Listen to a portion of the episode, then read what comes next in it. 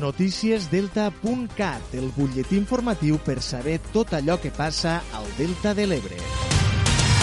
Us saludem des de Delta.cat. Anem a repassar l'actualitat al Delta de l'Ebre enmig de la deriva judicial sobre la gestió de la piscina coberta i el pavelló poliesportiu de Deltebre.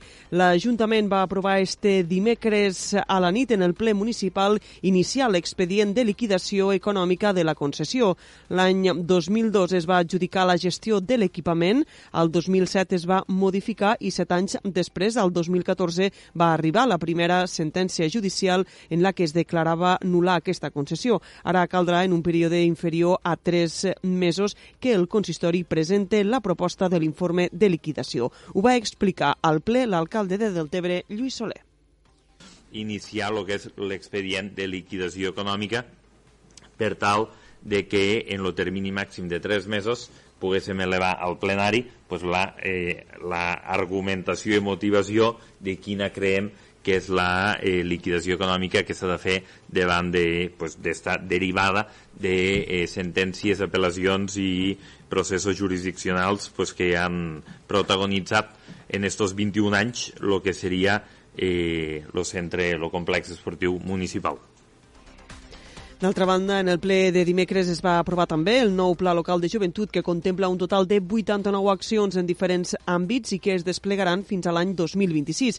El pla parteix d'una anàlisi i adaptació del pla anterior i s'ha elaborat a partir d'un procés de participació que ha inclòs tallers i enquestes i on han participat al voltant de 500 joves del municipi. El nou pla situa la cambra rossera de la Cava que serà rehabilitada mitjançant una subvenció dels fons Next Generation com a centre neuràlgic neuràlgic per al jovent del municipi. El PSC va abstenir-se en la votació i des d'Esquerra Republicana hi van votar en contra. Els republicans asseguren que no tenen cap confiança en que este pla es pugui desplegar, ja que de l'anterior no se n'ha desplegat pràcticament cap acció. Escoltem Andreu Curto, portaveu del govern del Leirem del Tebre, i Joan Alginet, portaveu d'Esquerra Republicana hem continuat eh, potenciant, per tant, fa una revisió i a partir d'aquí i en tota la informació que hem recollit mitjançant la participació de la mateixa, de la mateixa població jove del municipi, doncs, el primer programa o, o el primer àmbit d'aplicació eh, presentem el que són les eines i en aquest sentit doncs posem a disposició un servei d'informació juvenil que seria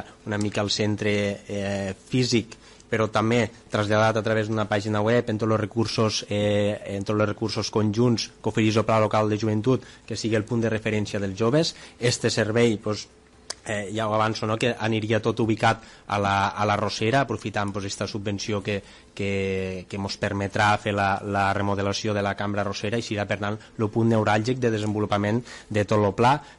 Els fets ens remitim i, per tant, no tenim cap altre argument que el ser crítics perquè no s'ha fet la feina durant eh, el pla anterior.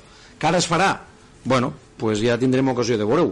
En tot cas, de moment, eh, valorem la feina que s'ha fet i la feina que s'ha fet en matèria de joventut en relació al pla local ha estat un autèntic desastre i per tant nosaltres no li podem donar suport de cap manera.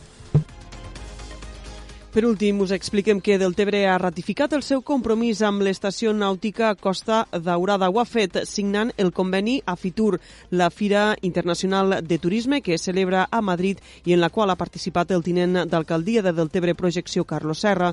La participació de l'Ajuntament de Deltebre en esta entitat permet, segons l'Ajuntament, la difusió i la projecció de la marca turística del municipi amb els seus diferents atractius i tot posant especial relleu en el lleure nàutic. I fins aquí el repàs de l'actualitat. Ja saben, com sempre, que poden continuar informats a través del portal deltacat.cat.